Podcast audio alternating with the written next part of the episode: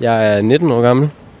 Jeg går meget op i sundhed. Thomas Fisker Nielsen går gennem hjertet af Aarhus. Han er på vej hen for at købe ind i Helsegårdsbutikken Ren Kost og Krop. På hans indkøbsliste står, Fløde, tre pakker kød, havregryn saft, ingefærsaft. ligesom det meste andet han spiser, skal varerne være biodynamiske. For ham er det ikke længere nok, at en vare blot er økologisk. Der er mange huller i det økologiske, hvor det biodynamiske det er nemmere for forbrugeren ligesom vælge. Hvor, hvor kunne det, hvad er det for nogle huller, du tænker på, som biodynamikken kan fylde ud? tænker jeg også på sådan noget som tilsætningsstoffer og sådan noget.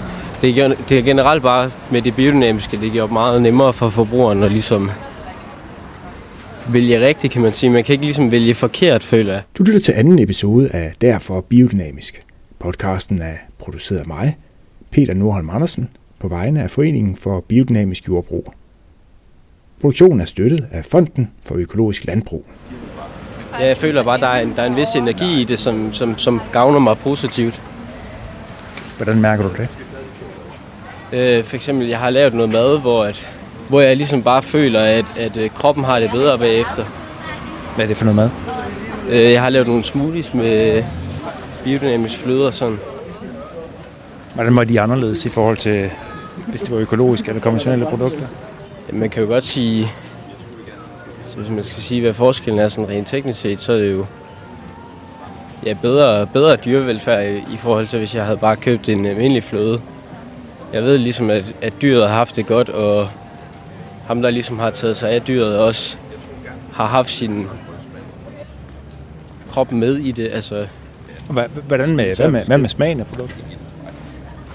smagen af produktet, der, der kan man klart smage forskel. Også på grund af, at det ikke er homogeniseret og alt det der, så du... øh, Ja, og der er typisk meget mere... Ja, Hvordan, øh, hvad er det for nogle ekstra kvaliteter? Fordi det er jo noget dyrere, kan man sige, Det det. de øh, biodynamiske produkter. det er det. Så hvad, hvad er det, du gerne vil betale for der? Øh, altså, lige nu så kører jeg en fløde fra Herta, øh, og det er jo ret lokalt herpå. Det er jo sådan 30 km væk eller sådan noget. Øhm, og jeg har også et ret godt forhold til Herta, fordi jeg ligesom har en, nogle af mine bekendte, der også bor derude og sådan. Ja. Så de, har, de kører meget med udviklingshemmede og sådan, og ligesom for dem et job og sådan. Så jeg kan bare godt lide sådan hele væremåden derude. Det, det er nok også det, der bunder i, at jeg vil betale lidt mere for varen og sådan. Thomas Fisker Nielsen når butikken. Han lukker døren ind til ren kost og krop bag sig.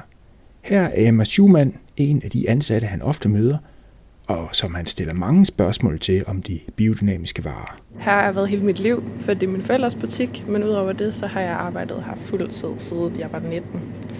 Nu er jeg 22. Hvem er det, der kommer ind i butikken? Har du set en ændring i de ansigter, du møder her i butikken? De bliver, jeg synes, de bliver yngre. Der er rigtig mange forældre, som er meget mere ops på det. Øh, med næringsindholdene, renligheden af produkterne. Og så jeg synes, det er børnefamilier. Der er også rigtig mange, eller ikke mange, men der er en del unge, som jeg ser, som aktivt kun køber biodynamik.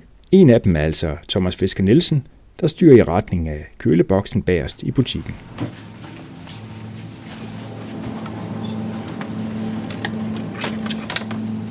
Ja. Hvad vælger du der? jeg tage den her oksekød her. Fordi den er... Hvor de primært har fået, eller kun har fået græs og urter. Så der er højere omega-3 i kødet. I forhold til hvis de bare havde fået eksempel korn eller sådan. Tre pakker af dem. Ja.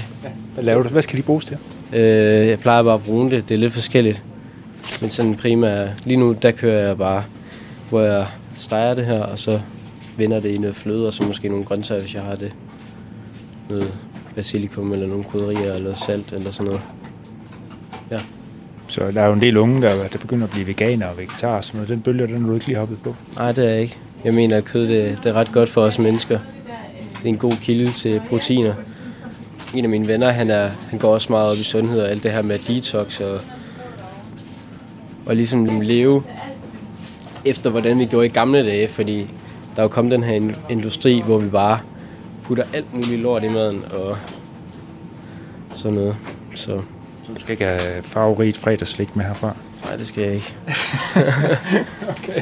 Ej, det, det, det køber jeg ikke mere. Jeg spørger Emma Schumann, hvilke biodynamiske varer, der sælges flest af i butikken. Det er rigtig meget mel, brød og mejeri og kød. når det kommer til mel, hvad er det en særlig type mel? Ja, så er det hvedemel og spelt og ro, hovedsageligt. Ja, så det har jeg altid solgt rigtig, rigtig meget. Og rigtig mange af de store sækker også, er der rigtig mange, der køber af, som bager selv regelmæssigt.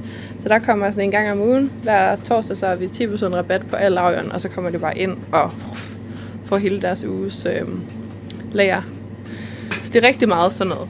En pose hvedemel er en af de biodynamiske bestsellervarer, jeg køber med fra Ren Kost og Krop. Det gør jeg for at spørge Claus Løer Petersen om, hvilke varer der går som varm brød, når det kommer til biodynamik. Claus Løer Petersen er projektleder i Foreningen for Biodynamisk Jordbrug, og han fortalte i første episode om, hvordan biodynamikkens regelsæt løfter sig over den økologiske produktion. Jeg har lige, se, jeg har lige taget en vare med her. Ja. Så der er sådan en kefir. Sådan der. Og så har jeg her pakket lidt lidt plastik. Mm-hmm. En pakke med hakket oksekød. Ja. Det er græsfodret kød. Ja, og her, der har jeg en flaske øh, æblesaft, ren saft. Ja.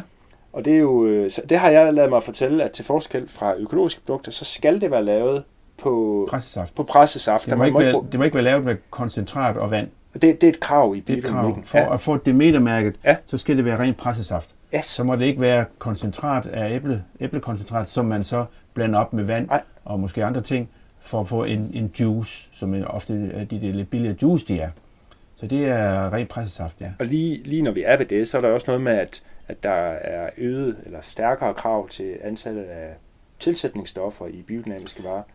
Er der kun det halve tilladt i forhold til de økologiske produkter? Ja, ja.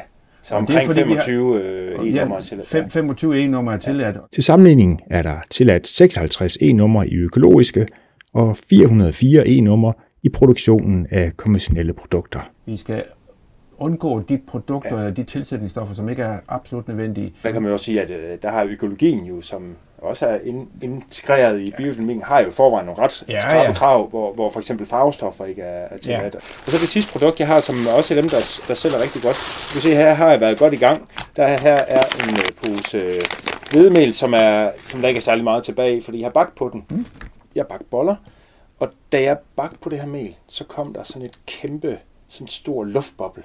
Sådan et hævehul op igennem dejen, og det må, det må jeg helt ærligt indrømme.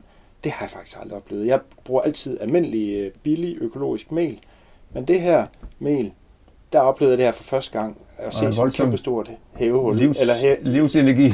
ja, nu det har jeg jo snakket om biodynamik og livskraft, og så, så tænkte jeg, hold da op, det, det var da alligevel forunderligt.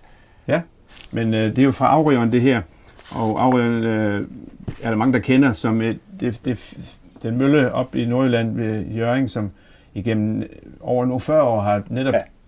ja. lavet mel af primært biodynamiske råvarer, som har været med til at udvikle det biodynamiske, fordi de, de, de øh, fremmer den biodynamiske dyrkning ved at give en bedre pris, og de har et stort sortiment af biodynamisk korn, Ja. øh, og det vokser hele tiden. Så de vælger de sorter, som er rigtig gode til at bage med, Ja. samtidig med, at de har en meget skånsom behandling af, af kornet. De gør virkelig Ja, noget ved ja. det, og det er, det, det, det, er, det er bygget, det er skabt, det er grundlagt på et, et princip om, at, øh, at det biodynamiske jordbrug er den kvalitet, de, de ønsker at fremme. Ja. Ifølge Claus Løhr Petersen giver den biodynamiske kvalitet sig især udtryk i livet i jorden. Forskningen peger på, at landbrugsmetoden leverer en mere levende jord. Og det er faktisk vældig, vældig spændende læsning, som viser, at, at det biodynamiske er det, der bygger jorden bedst op, giver mest liv, giver mest øh, alsidigt liv, største Ja. mangfoldighed i jorden. Så på den måde så er der øh, den livskraft og den livsdynamik-effekt, kan vi meget tydeligt se, og det kan forskere, der arbejder neutralt, også se. Udover den sunde jord er der mange andre kvaliteter ved biodynamikken. At vi har i det biodynamiske mindre af det, som folk ikke ønsker. Prøv at give nogle eksempler på det. Ja, det er for eksempel øh, konventionel gødning, gylde Ja. osv. Det er, Ja. hvis at guldrøn og kålen ikke er, er gødet med konventionel gylde. Færre tilsætningsstoffer. Der er forskellige metoder, som vi ikke vil bruge mikrobølgeovn og UVC-bestråling og forskellige Mm. andre ting. Der er mere af det, som mange gerne vil have, nemlig altså en større helhed på gården, øh, mere natur, øh, nogle mere frugtbare jord, nogle mere livskraftige planter.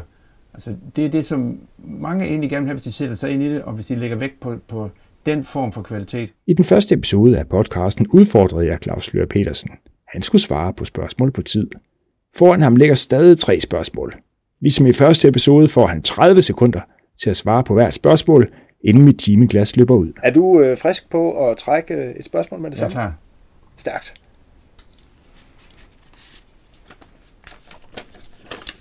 Hvordan tilgodeser vi den voksne befolknings fødevarebehov, hvis vi alle hvis vi alene dyrker biodynamisk? Jeg tror også, et lignende spørgsmål er, kan økologien brødføde verden? Ja, ja, det er det. Så kan Ja. biodynamikken, biodynamikken brødfed verden? Værsgo. Altså spørgsmålet går jo ud på, kan vi levere mad nok til en voksende befolkning, hvis vi dyrker biodynamisk? Og hvis vi ser fremtidsmæssigt på det, så tror jeg, at det er lige præcis det, der skal til, fordi det er det, der fremmer jordens frugtbarhed, og dermed muligheden for at dyrke jorden bedst muligt i fremtiden. En anden, mere måske effektiv måde at dyrke på med kemi, ødelægger jordens frugtbarhed og gør faktisk, at jorden får en ørkendannelse. Med biodynamisk, så fremmer vi jordens frugtbarhed og dermed også en fremtidssikring af en fødevareproduktion til en voksende befolkning. det er noget, du også lige... Ja. Altså, der, vil, der vil jeg godt lige sige, det er også... Måske er det også at det, at vi skal jo måske ændre det indhold, der er på vores tallerkener. Det Ja, ja. tænker jeg i hvert fald, det, det taler man om Men, i, altså, i men økologiske kredse, at, at det er jo også et spørgsmål om at spise mindre Det er kød, og rigt- det hele taget leve op til de klima- og Der er rigtig mange ting, og der er Ja. økonomi. Nord har lige udgivet en rapport her, der viser, eller der, der, der siger, at det er sådan set ikke mængden af mad, men det er mængden af, det er fordeling af penge. Mm. Og, og øh, hvis, hvis de fattige havde penge, så kunne de godt få mad, for der er sådan set kalorier nok til alle. Det er der almindelig enighed om.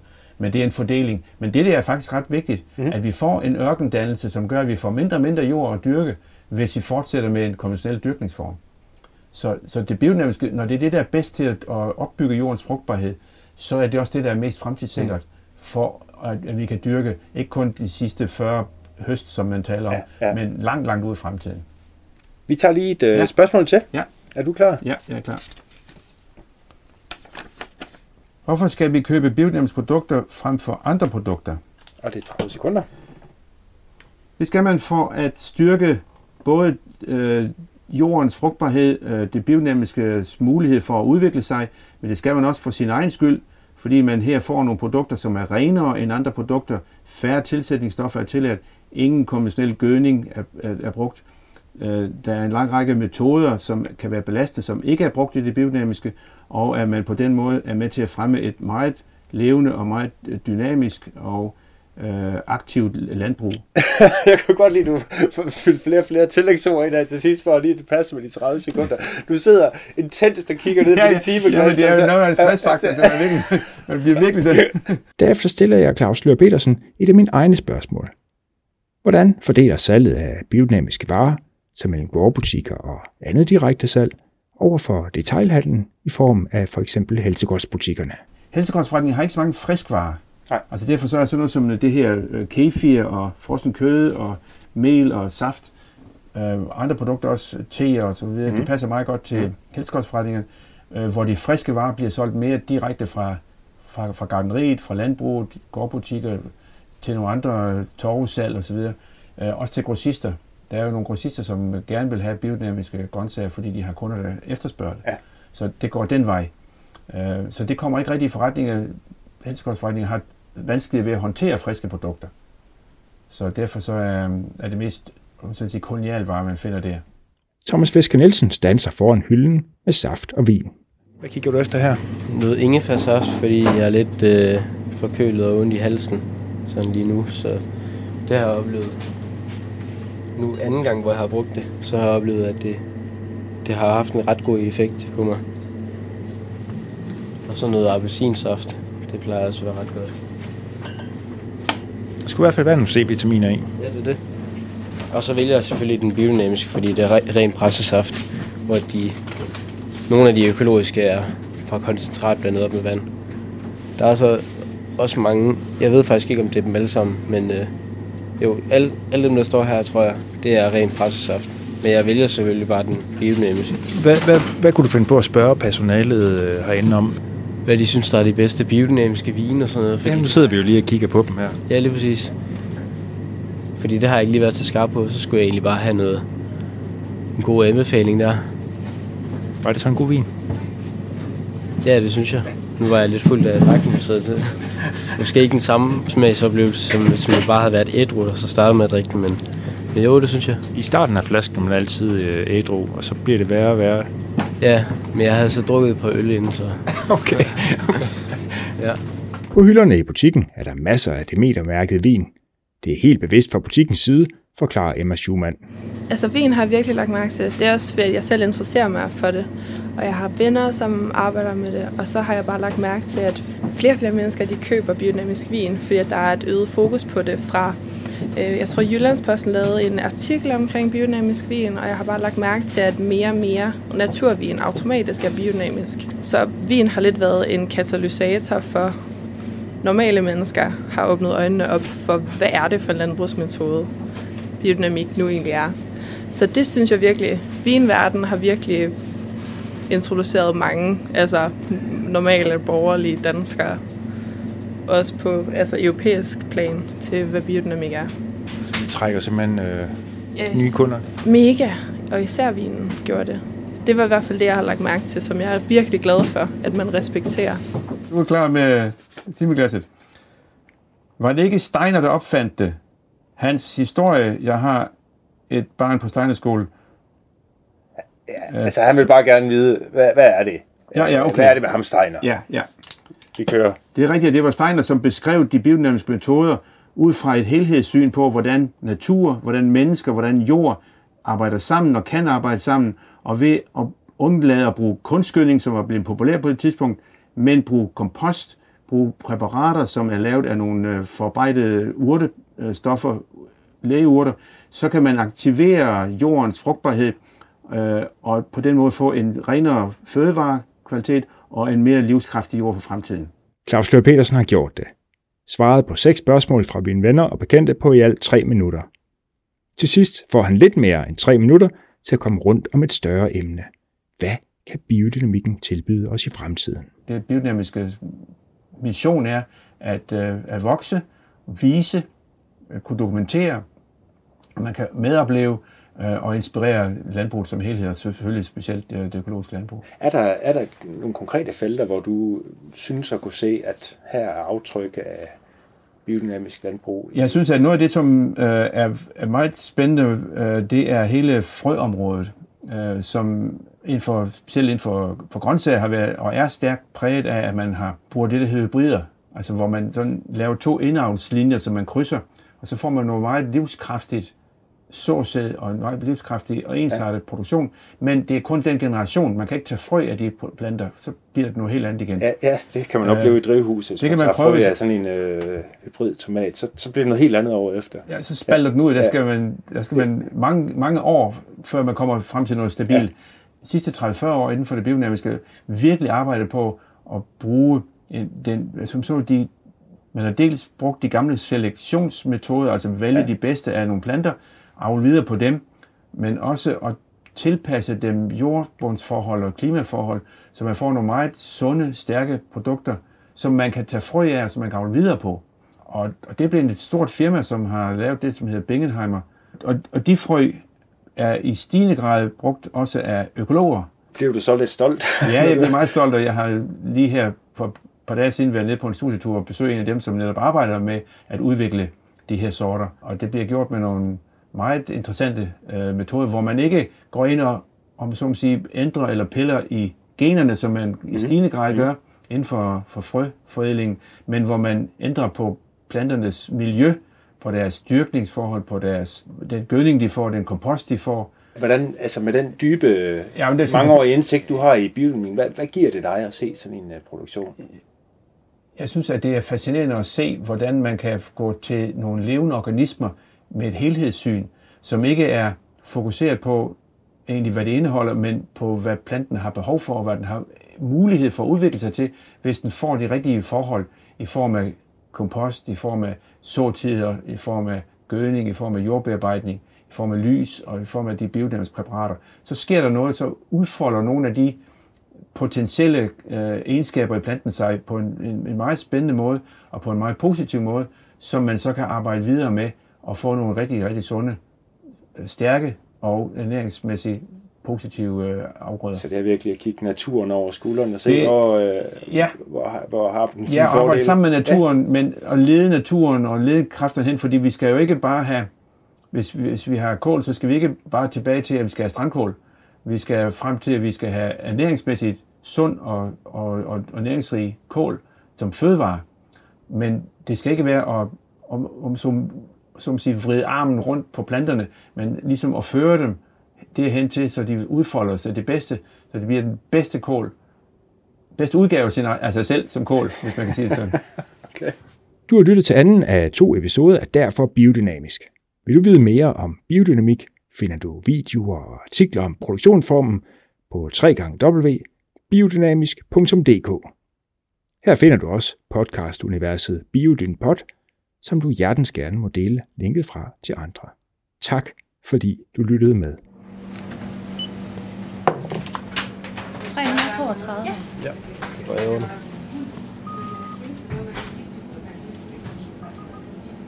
Vil du have bange? Øh, ja tak.